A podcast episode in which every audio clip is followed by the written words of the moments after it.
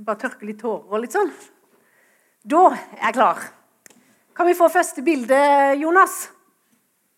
De fleste her inne har hørt setningen 'Det fins ikke dårlig vær, bare dårlig klær'. Det var ikke mye kristelig, tenker du. Det var ikke en setning fra Bibelen. Men vi skal faktisk snakke ganske mye om klær i dag. Det er ganske mye i Bibelen som handler om klær. Jeg er veldig glad i å lese bøker.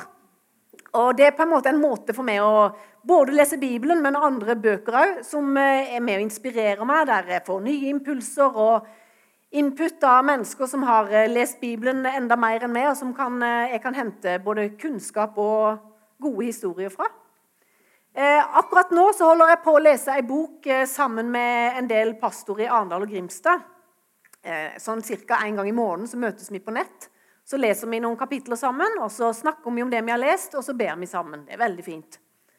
Og etter en av de samlingene som jeg hadde der på nett, så var det denne setningen dukka opp igjen igjen og igjen i hodet mitt. At det fins ikke dårlig vær, bare dårlige klær. Så den har på en måte vært i hodet mitt hele tida. Og det fikk god hjelp fra folket her om tirsdag på bønnemøtet til å be. For har, jeg var begynt allerede på talen da, men så, så fortsatte det. Så det ble på en måte utgangspunktet for talen her i dag. Og Den boka vi leser akkurat nå, i det fellesskapet, den handler, kunst, den handler om, eller temaet er 'Kunsten å forme livet'. Stian Kilde Aarbrot, for dere som vet hvem han er, eller har lest noe om han. Men han brenner altså for det å praktisere tro, det å gjøre tro. Han sier bl.a. det at kristenlivet det ikke, handler ikke bare om å finne den raskeste veien på en måte fra A til B, men å sko og kle seg for et langt liv med det å være lys og salt i verden. Vi mennesker vil jo veldig gjerne fort fra A til B. Det skal liksom skje fortest mulig. Men det å kle seg for et langt liv eh, og han, han, peker på det og tegner et bilde av det at eh, Jesus, altså livet med Jesus, og det kan bety i praksis, og det livet Jesus pekte på både med ord, men også med handlinger, det er den veien vi alle er kalt til å gå. Så det å gjøre tro og så er jeg så glad for at Jesus han er tålmodig i møte med oss. For det er jo ikke sånn at den dagen vi tok imot Jesus og ble frelst, så var bare alt på plass. Eller kanskje var det sånn i ditt liv, men sånn er det i hvert fall ikke i mitt liv. Jeg får lov å gå en vei der målet er jo å bli det på en måte allerede er, men å bli mer og mer lik Jesus. Og det er en vei og en vandring. Så får vi lov å øve oss. Ett steg om gangen. Av og til veldig små skritt. Av og til litt større skritt. Og så får vi lov å vokse. Og Det gjelder jo både i det ytre, på en måte, det praktiske, det å ta nye steg der. Kanskje være i døra og ønske velkommen, det å være med på team, det å eh, vitne eller møte for første gang. Men òg det som går i det indre livet vårt. Da. Det å bygge karakter og få dype røtter. Der òg. Jeg har lyst, jeg må bare knytte lissa, for jeg skjønner at jeg kommer til å snuble i den. for jeg står ikke helt stille. Ja, ikke knytten. Ja, det hadde du syntes var gøy. Flater ut her oppe. Jeg har lyst til å begynne med en historie eh, som rett og slett handler om kappløpet til Sydpolen. Bilde to. Eh, vi må spole litt tilbake i tid. De fleste her inne har helt sikkert hørt om Scott og Amundsen. 1911. Nordmannen Roald Amundsen mot engelskmannen Robert Falken Scott. Altså Amundsen mot Scott. De fleste av dere har hørt det. Ja. Scott han hadde uttalt det at uh, gentlemen, de øver ikke. Det var hans holdning. Han brukte en helt annen strategi enn det Amundsen gjorde. For Amundsen han brukte februar, mars og deler av april til å legge ut depoter. Han forberedte seg, sånn at han skulle ha mat underveis. Han visste at sledene ville bli altfor tunge hvis han skulle dra med seg alt på én tur. Så han visste at han måtte legge ut depoter. Eh, og når da han gikk fram og tilbake til de depotene, så fikk han testa både ski, utstyr, bikkjene, og han fikk mye trening. Og Det gikk faktisk nesten ett år etter at Amundsen og hans folk ankom Antarktis, til de planta det norske flagget på klodens sydligste punkt. Scott han nådde punktet 34 dager etter Amundsen, Men samtlige på laget døde der ute i isødet. Vi kan se av klærne så vidt, det var ikke så lett å se, men Amundsens lag de var kledd i pelsklær. De hadde lært av inuittene hvordan det var en måtte kle seg for de forholdene de skulle ut i. Han hadde tatt lærdom av det. Han visste og skjønte at det var viktig hvordan han kledde seg. Og Scott sitt lag de dro kjelkene sjøl, men de hadde tatt med seg en traktor. Men den gikk jo gjennom isen allerede idet de tok den av. Mm. Trekkhunder det var en selvfølge for Amundsen. Og Scott og hans lag de var jo gentlemen, gode engelskmenn, så de drakk te. Mens Amundsen han visste at næringsstoffer var viktig, så de, de drakk næringsrik kakao. Amundsen sitt lag hadde med seg 100 års erfaring til sammen i laget med skierfaring. Det er ganske mye. 100 år til sammen. Scott hadde fem år. Kanskje var det Scott sitt overmot og mangel på øvelse og mangel på å ta imot som gjorde at til slutt den ferden ble veldig vanskelig. Én ting er i hvert fall helt sikkert, tenker jeg. Polfarere, fjellklatrere, astronauter og røykdykkere de vet alt om hvor viktig det er med å ha riktig påkledning for å overleve i det miljøet de blir utsatt i. Er dere enige? De vet alt om at påkledning er kjempeviktig. Altså, De vet bilde tre. Det må være en sammenheng mellom det som omgir deg, med det de har på seg. Altså, det finnes ikke dårlig vær, bare Og dere er gode. Veldig bra. Og det er jo da dette som er interessant i dag. Hvordan kan vi overføre dette til livet som etterfølger av Jesus? Og er det med klærne våre? Hvilke klær har vi fått? Og har dette klær å si for oss i forhold til vårt liv i etterfølgelse av Jesus? For som jeg sa innledningsvis, Bibelen snakker faktisk ganske mye om klær og bruker metaforer, for du som liker norsk, altså bilder. Bilder som har betydning for vår hverdag. Og I dag er det spesielt tre punkt jeg har lyst til å ta oss fram.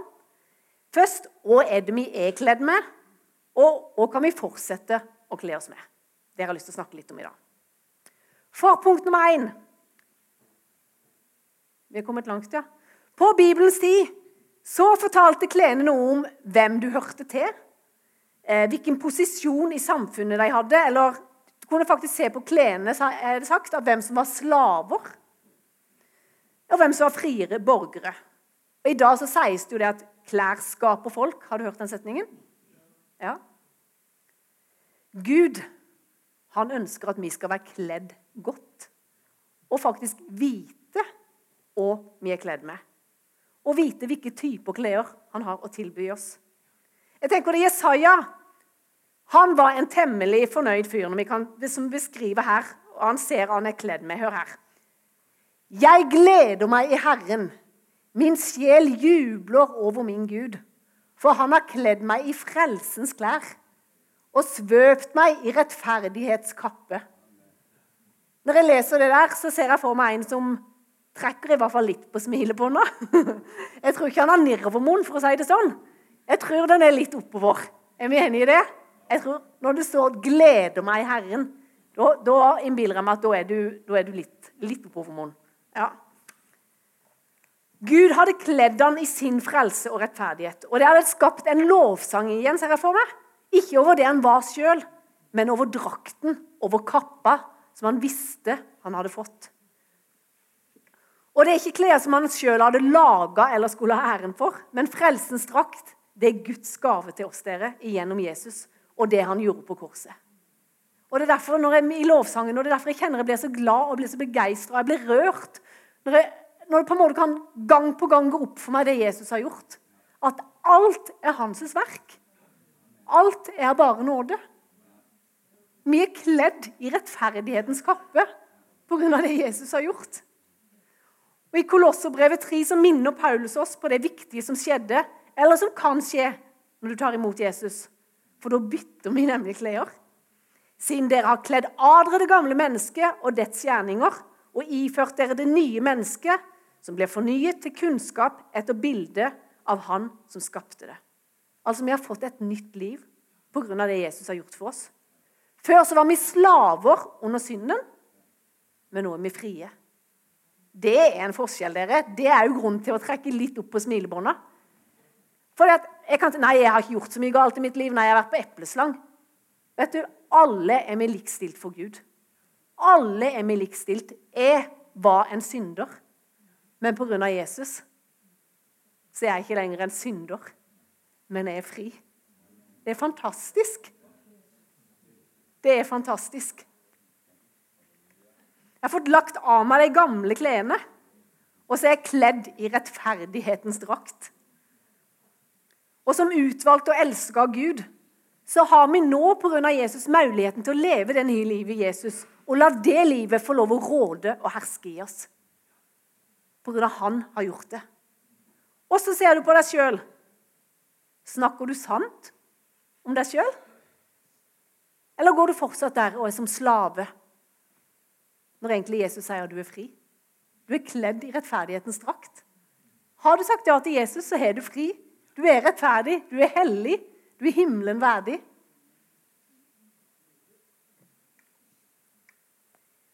I Kristus leste jeg en plass at brukes over 50 ganger i Her står det Gammeltestamentet, men det må jo være Nytestamentet. Ja, tenkte jeg what?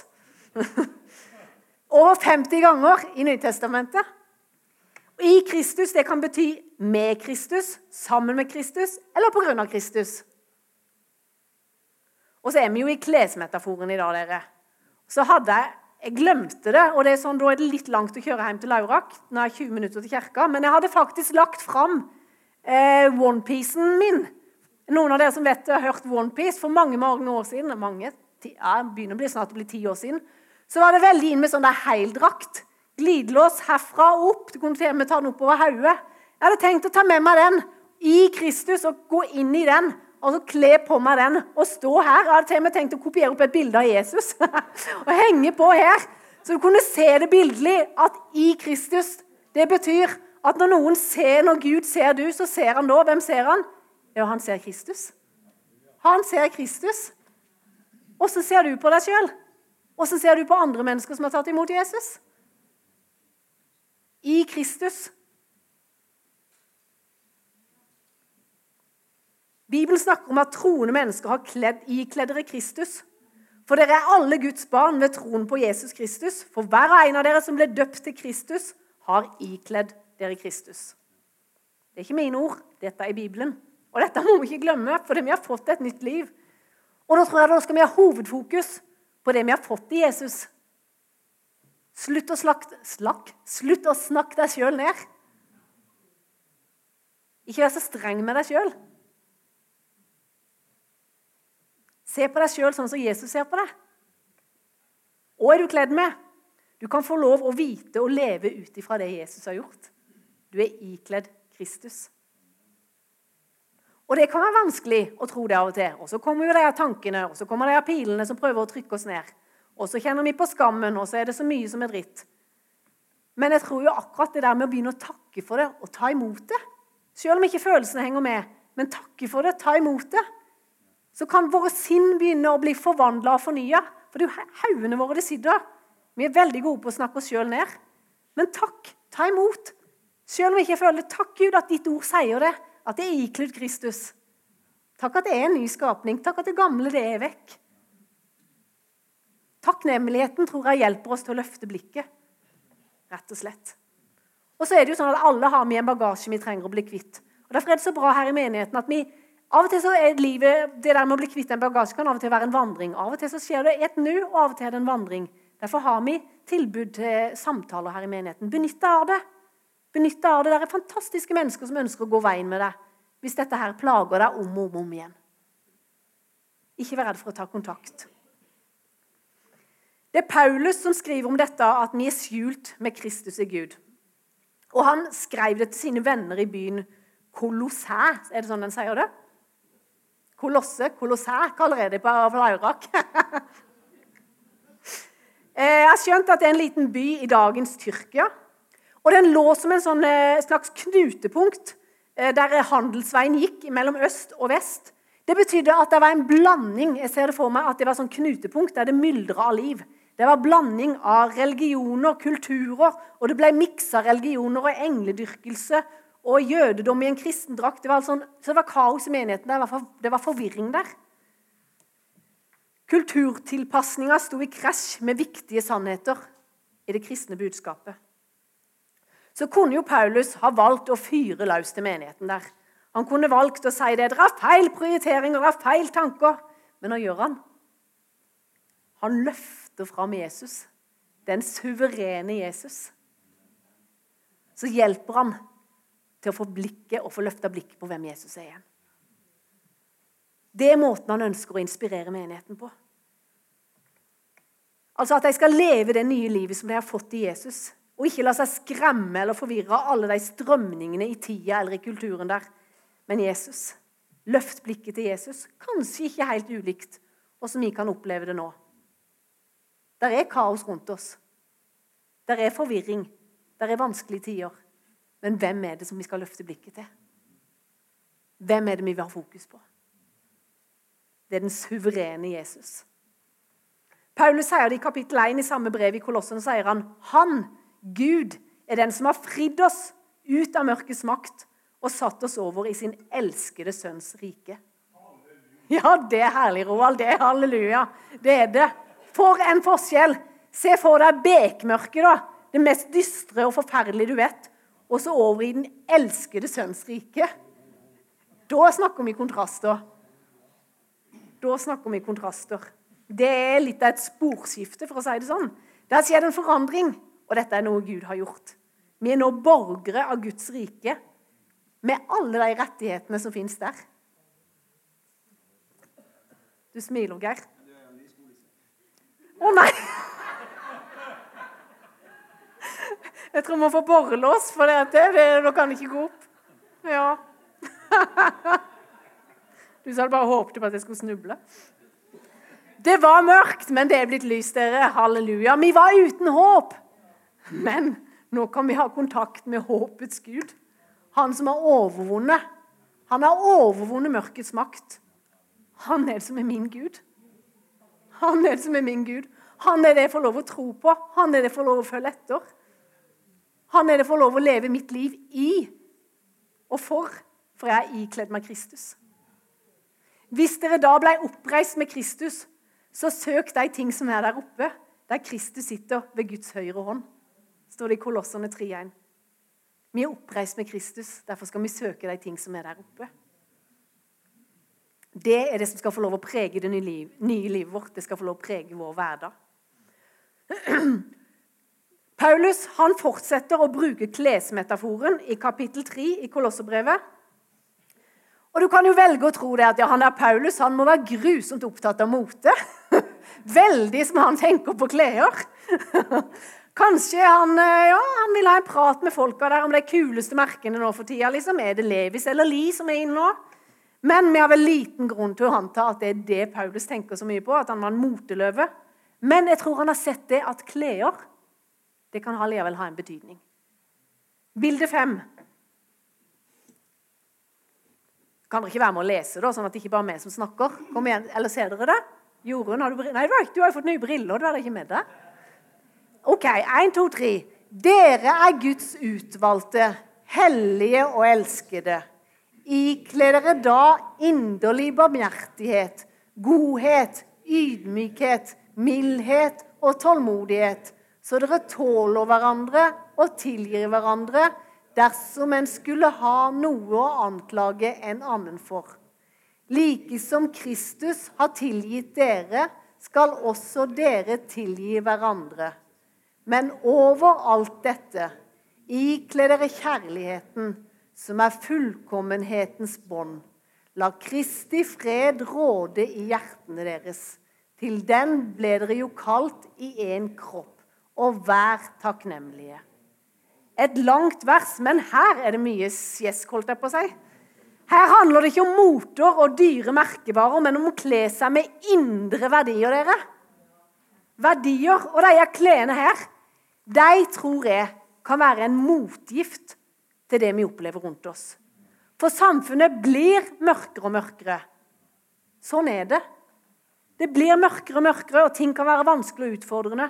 Men når verden oppleves hard, egoistisk, grådig eller som vi ser virkelig i dag, maktsjuk, da tror jeg motgiften kan være dette som Paulus snakker om. Mer medfølelse, mer godhet, mer ydmykhet. For større er han som bor i oss, dere, enn han som bor i verden.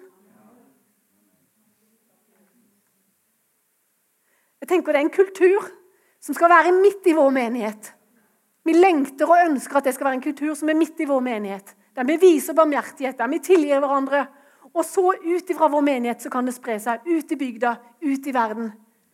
Verden trenger å kjenne på det. Verden trenger å kjenne på at det er en motgift til alt det harde og alt det vonde. Åssen ser det ut da, å være kledd i inderlig medfølelse, godhet, mildhet, ydmykhet og tålmodighet? Ei som heter Linda Johansen i Misjonskirka Norge, hun har skrevet, skrevet, bøker om dette. Hun skrev en artikkel òg. Hun skrev det at dersom inderlig medfølelse er undertøyet mitt, det som er nærmest kroppen min, hjertet mitt, da vil jeg se på andre mennesker med større empati. Jeg ville forsøke å møte dem der de er, og lytte til deres fortelling, uavhengig om de var like meg eller ikke.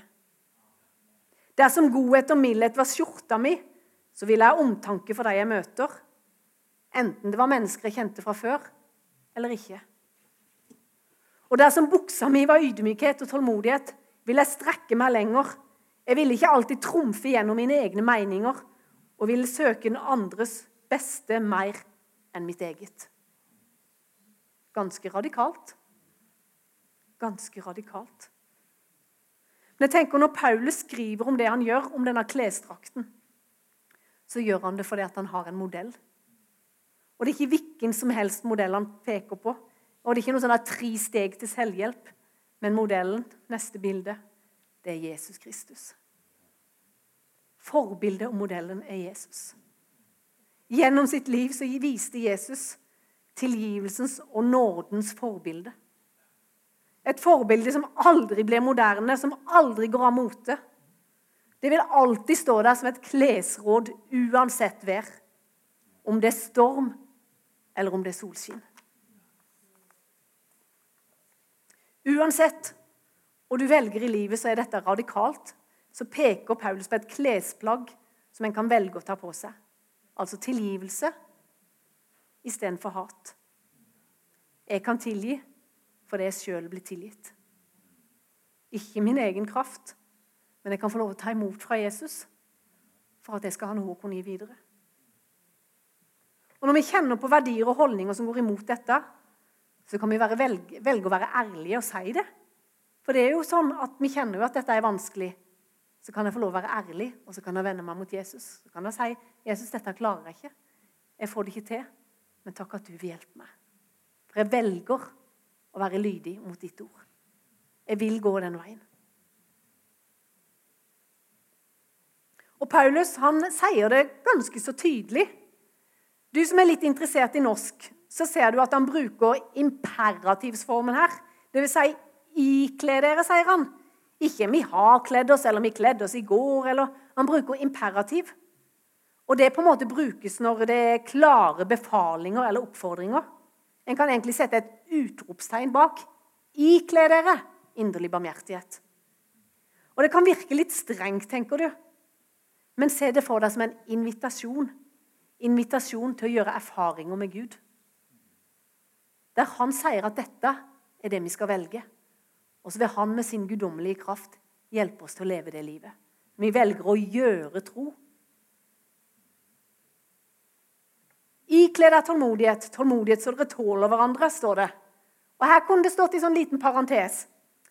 Eh, etter alt dette med tålmodighet så kunne det stått i bilkøer, på arbeidsplassen, i ekteskapet, i barneoppdragelsen, i køen på legekontoret, mot de som har andre holdninger og verdier enn det, på sosiale medier, i klasserommet Ja, du kan jo bare legge til lista.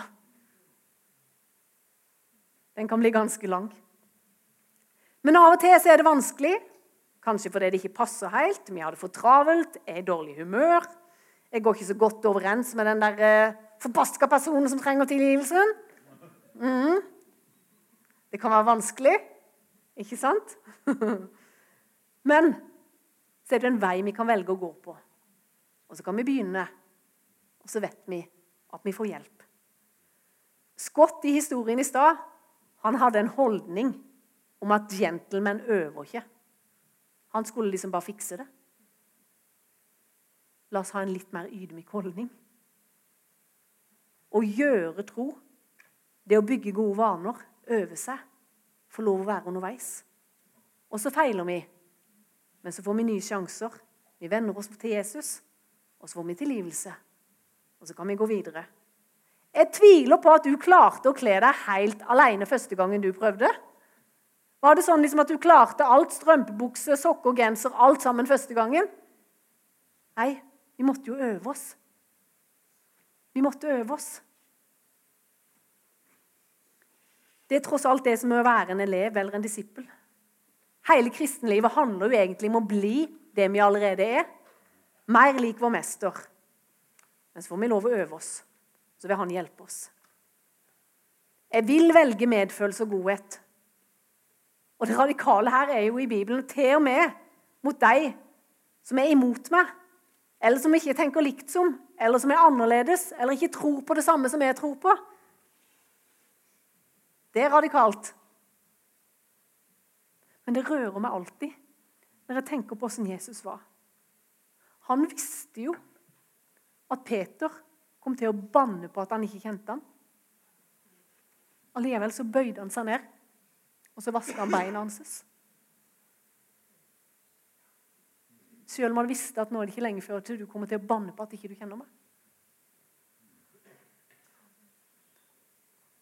Og når soldaten kommer for å arrestere Jesus, og disiplene tar til sverdet og hogger av øra Jesus vet han skal bli arrestert. Han vet at nå venter det verste på han.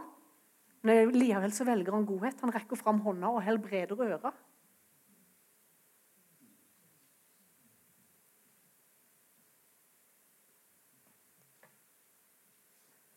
Det er radikalt, og det rører med meg. Men så er jo Gud så radikal. For han elska meg ennå mens jeg var en synder. Men Gud beviste sin kjærlighet til oss mennesker ved at Kristus døde for oss mens vi ennå var syndere. Så er det noe når vi sjøl møter de verdiene, eller klesplagger, for å bruke Paulus sitt bilde, i eget liv, så gjør det i hvert fall noe med meg. Når jeg opplever medfølelse, godhet og ydmykhet. Når noen bærer over med meg og tilgir meg, så skaper det liv, det skaper varme, det skaper nåde og takknemlighet i mitt liv. Og en sånn kristen er det jeg lengter etter å være. En kristen som snakker naturlig om troen min, og som gjør tro med å leve ut de verdiene jeg har lært gjennom å kjenne, lese om og være sammen med Jesus. Som elsker Gud, og som elsker min neste og som ønsker å formidle Jesus til de menneskene her rundt meg. Og er det å være en etterfølger av Jesus? Jeg vet ikke, Noen av dere følger kanskje med på, på Facebook på Plussord. Om onsdag denne uka så snakka, snakka han eh, Hegertun om eh, at det er av og til noen som kaller noe for å være veldig kristne. Og det er for noe, det vet jeg ikke, for enten er du ikledd Kristus eller ikke. Men det er av og til folk beskriver ja, han eller hun er veldig kristen. Fordi at uh, hun går så mye i kirka. Du er sånn veldig kristen for du går mye i kirka. Eller du er veldig kristen for du snakker så mye om Jesus. Men så er det Jesus som peker på en litt annen vei, for han sa ved dette skal alle forstå at dere er mine disipler, at dere har kjærlighet til hverandre. Så hvis en vil være i kategorien veldig kristne, så kan det hende det at det er like viktig å elske hverandre som å elske Gud. Da blir det ikke sånn at folk sier at nei, han eller hun er veldig kristen fordi han går i veldig mye kirke. Men oi, jeg tror han er kristen for se åssen han er med de, de menneskene. da. Se åssen han ser ungene. Se åssen han bryr seg om andre mennesker. Nei, Han tror jeg er veldig kristen for se åssen han skriver på sosiale medier. han, der er noe med han eller hun, for han blir aldri med på den baksnakkinga på jobben. Han er heller med og løfter andre, snakker fint om andre. Eller han eller hun er det så fredfullt å være sammen med. Han er ikke alltid enig i alt, men han tar ikke partier. Han kan se ting fra flere sider. Vi er kalt til forsoning, ikke splittelse. Kle dere i det nye mennesket som er skapt i Guds bilde, til et liv i sann rettferd og hellighet. Hva er du kledd med, og hva vil du fortsette å kle deg med? Det siste punktet jeg vil si litt om, det er at det kan virke som at Paulus er mer opptatt av hvordan kristne bør kle seg for vær og vind, enn å klage på været. Var ikke det en god setning? Kunne ønske jeg hadde funnet på sjøl, men det har jeg ikke. For det er fra den boka jeg har lest. Men jeg syns den er veldig, veldig bra. Mer opptatt av hvordan kristne bør kle seg for vær og vind, enn å klage på været. Den syns jeg var veldig bra. Ja, vi er fortsatt midt i denne verden. Helt til den dagen Jesus henter oss, så er vi midt i denne verden. Men dere, vi er ikke av denne verden. Ett minutt på sosiale medier eller nyheter, så får vi det midt i fleisen. Krig, mørke, hat, stormer, uvær. Men hvor vil du ha ditt fokus? På været eller på de klærne som Gud tilbyr deg? Bilde sju. Hør her hva slags klær som er tilgjengelig. Her er det ganske mye, men dette er, dette er veldig bra saker. dere. Til slutt, mine søsken, la dere bli styrka i fellesskap med Herren og i Hans mektige kraft. Fellesskap med Herren og Hans mektige kraft. Er det vi som skal være sterke sjøl? Nei. Heldigvis. For Herren har en rustning som dere kan ta på dere for å stå imot djevelen når han kommer med sine listige angrep. For han kommer, det vet vi. Denne rustningen må dere ta på dere. Vi står nemlig i en kamp, og det er ikke en kamp mot andre mennesker. Vår kamp er mot de mørke kreftene i vår tid, som vil handle på tvers av hva som er Guds plan og vilje. Vi strider mot myndighetene, mot maktene som hersker i denne mørke verden, og mot de onde åndene i den åndelige verden. Derfor må dere ta på dere rustningen som Gud har gitt dere, så dere kan være i stand til å stå imot den ondskapen dere vil møte i livet. Da vil dere holde ut og vinne seier i alle kampene. Stå derfor fast, med sannheten knytta fast som et belte rundt livet. Vissheten om at Han har frelst dere, skal være deres brynje. Skoene på føttene skal være deres vilje til å gå ut i strid for budskapet om fred fra Gud. Og framfor alt må dere bruke troen som deres skjold. Med det ble dere i stand til å slokke alle de brennende pilene som kommer fra den onde. Og vissheten om Guds frelse er deres hjelm, åndens sverd er Guds ord. Her er det mye viktig, dere. Han har gitt oss noen klær. Han har gitt oss en rustning. Og vi må velge å ikle oss den. Igjen være mer opptatt av å kle oss enn å klage på været. Verset begynte med til slutt eh, verset begynte, altså Det kan leses som når det gjelder Nei, verset begynte med 'til slutt', står det her der oppe, ser dere. Men jeg tenker Det kan vi òg lese som at når det gjelder resten av livet og deres utfordringer Når det gjelder resten av livet og deres utfordringer, mine søsken Hvis vi ser hva vi har fått for noe, hvilken rustning vi har fått Bli sterke i Herren og Hans veldige kraft. Vi kan bli sterke inni oss vi kan ikke gjøre det sjøl, men det er Guds kraft. Det er ikke hvilken som helst rustning. Det er Guds fulle rustning. Og vi kan holde stand mot djevelens listige angrep, sånn at vi kan bli stående etter å ha overvunnet alt. Paulus ønsker å bevisstgjøre oss om at det faktisk så er det en kamp. Men vi er ikke alene i denne kampen. Som Lillian sa, en kan bli redd. En kan kjenne på frykt. Det er helt menneskelig. Det er ikke sånn at vi skal få, liksom bare late som det ikke er der. Nei, det er helt menneskelig. Men vi har fått en rustning. Vi, har, vi, måte, vi kan ikle oss noe, vi kan ta på oss noe. For han har gitt oss, gitt oss det vi trenger. Vi er ikke alene i denne kampen. Vi skal ikke sjøl prøve å finne ut av verktøyet eller våpnene. Og Paulus han satt jo faktisk sjøl i fengsel når han skrev de ordene. Så jeg tenker at vi kan ha tillit til at han vet litt hva han snakker om. Han har prøvd, han har prøvd livet. Vi kan ta på oss denne rustningen, og ved Den hellige ånds hjelp så kan vi bli stående helt inn i evigheten. Jesus han brukte ikke klesmetaforer, men han snakka mye om vær og vind. Åssen en kunne være rusta for all slags vær. Altså den som hørte Jesus sine ord og fulgte de jorda, altså gjorde de. Det var den mannen som bygde huset sitt på fjell. Et hus som ville tåle all slags vær. Igjen å gjøre tro. Bygge gode vaner i livet. Derfor er det f.eks. mye av bibelleseplanen nå i menigheten. Vi tror vi må hjelpe hverandre. Guds ord er viktig for oss. Ta til oss av Guds ord. Det er en del av rustningen. Bli fylt av Guds sannheter. Hans løfter istedenfor av fokus på bare været rundt oss. Men hans løfter. I Kolossene 1, når Paulus ber for menigheten, så ber han ikke om at Gud skal ordne alt eller gjøre alt for menigheten, men han ber Gud gi dem visdom og kunnskap om Guds vilje, sånn at de kan gjøre det rette. Åndelig forstand og visdom med å lese Guds ord og la Den hellige ånd få vise veien og sannheten i vårt indre. Og akkurat som Scott og Amundsen dere, så er jo vi òg i et løp. Livet er et løp. Men det som er så annerledes og så godt å vite, at det kappløpet er jo faktisk allerede vunnet. Vi har allerede vunnet den seiersprisen.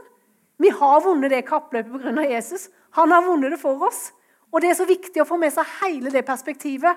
Når av og til det oppleves mørkt, når av og til det er vanskelig utfordrende, så er vi faktisk allerede på vinnerlaget.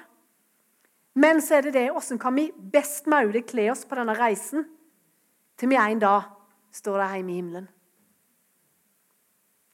Å kle oss det er ikke noe vi gjør én gang, så er vi ferdig med det. Det må vi gjenta. Da for da så må vi faktisk kle oss. Og Det kan sammenlignes med å bygge gode vaner i livet vårt. Trosvaner som hjelper oss i etterfølgelsen av Jesus. Hva kan jeg kle meg med? Hva kan jeg kle meg i dag med? Hva kan jeg kle meg og min familie med i dag? Så kan det få betydning for meg og min familie de neste åra. Bygge gode trosvaner, bygge gode vaner i livet som leder meg i en retning av Jesus. Og kan jeg kle av meg, eller hva skal jeg kle på meg? Av og til må vi legge av oss noe òg. Hvis vi har kledd på oss noe som er imot Guds ord, eller vi lever ut ifra noen sannheter som ikke er det som er Guds gode ordning for oss, eller Guds gode vilje for oss, så må vi av og til legge av oss noen klær for at Gud skal få kle på seg de klærne som han ønsker at vi skal være ikledd.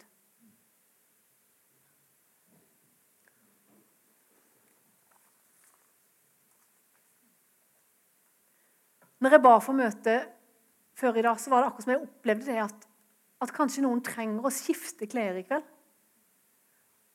At du har gått, med, at du har gått og går rundt med slaveklær når du egentlig er fri.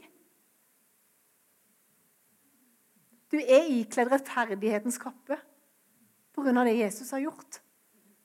Men i dag skal du få lov å kle av deg de slaveklærne. Skal du få lov å se deg sjøl som ren og rettferdig for det Jesus har gjort. Og du skal få lov å begynne å se deg sjøl med den og leve ut ifra den. Du skal ikke se deg sjøl med noen skitne klær eller slaveklær. Du skal få lov å se deg sjøl med rene, hvite klær, rettferdighetens kappe. Og så er det jo en ting til som jeg opplevde. At du skal ikle deg denne rustningen i dag. Ha mer fokus på det du har fått, enn på været som er rundt deg. Du har fått en rustning, men du må ta den i bruk. Du må kle den på deg. Og så tror jeg spesielt i kveld at det er noen som blir kalt ut i en skikkelig krig. Og jeg tror du vil kjenne det. At du kjenner at du blir kalt ut i en krig. Du vet at du har de våpnene, du har det på deg, men du blir kalt ut i en krig til å være den som skal stå på murene, den som skal gå foran i bønn, den som skal bruke bønnens våpen. Jeg tror du vil kjenne det, at du virkelig er klar til kamp. For det er en kamp, det er en strid. Og vi ønsker virkelig å stå i bønn for både vår menighet og for menneskene rundt her. Men jeg tror det er noen i kveld som blir kalt ekstra til å gå inn i den krigen. Og jeg tror du vil kjenne det akkurat nå. Lovsangere, kan ikke dere komme opp?